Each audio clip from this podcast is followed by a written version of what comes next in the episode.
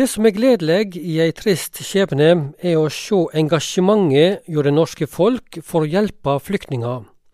Det sier Per Bjørknes i serien Dette har gjort meg glad.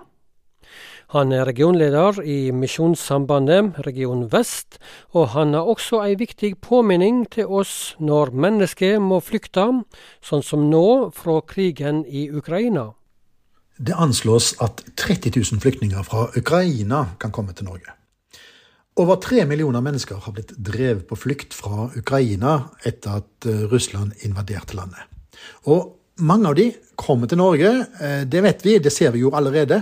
Men akkurat hvor mange, det er ikke så godt å si. Men Utlendingsdirektoratet anslår at det kan komme 30 000 bare i år. Og eh, som sagt, flere har kommet, kanskje der du bor òg.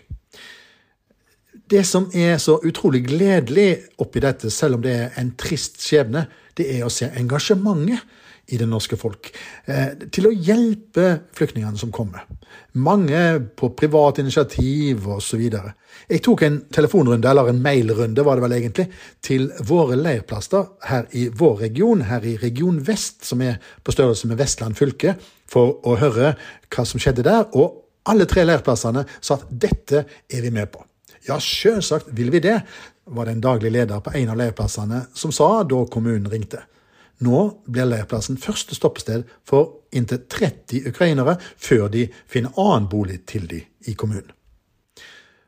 Oppi alt det som oppleves svært krevende for mange, så har altså denne leirplassen i tillegg en daglig leder som kan språket deres, som kan snakke med dem på deres eget morsmål.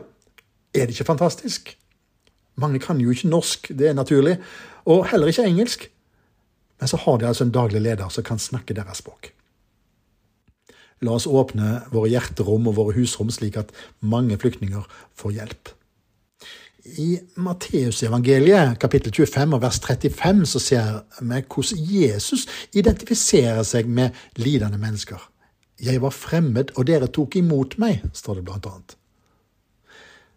Vårt kall som mennesker er å leve livet i to retninger.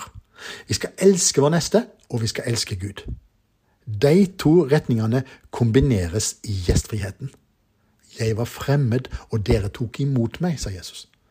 Han identifiserte seg med den fremmede. Kjærligheten til Gud kan ikke skilles fra kjærligheten til mennesker. Slik vi behandler de fremmede, slik tenker Jesus at vi behandler Han. Å være god mot fremmede er ifølge Jesu egen undervisning å være god mot Jesus. La det ikke bare bli statens oppgave å stille opp.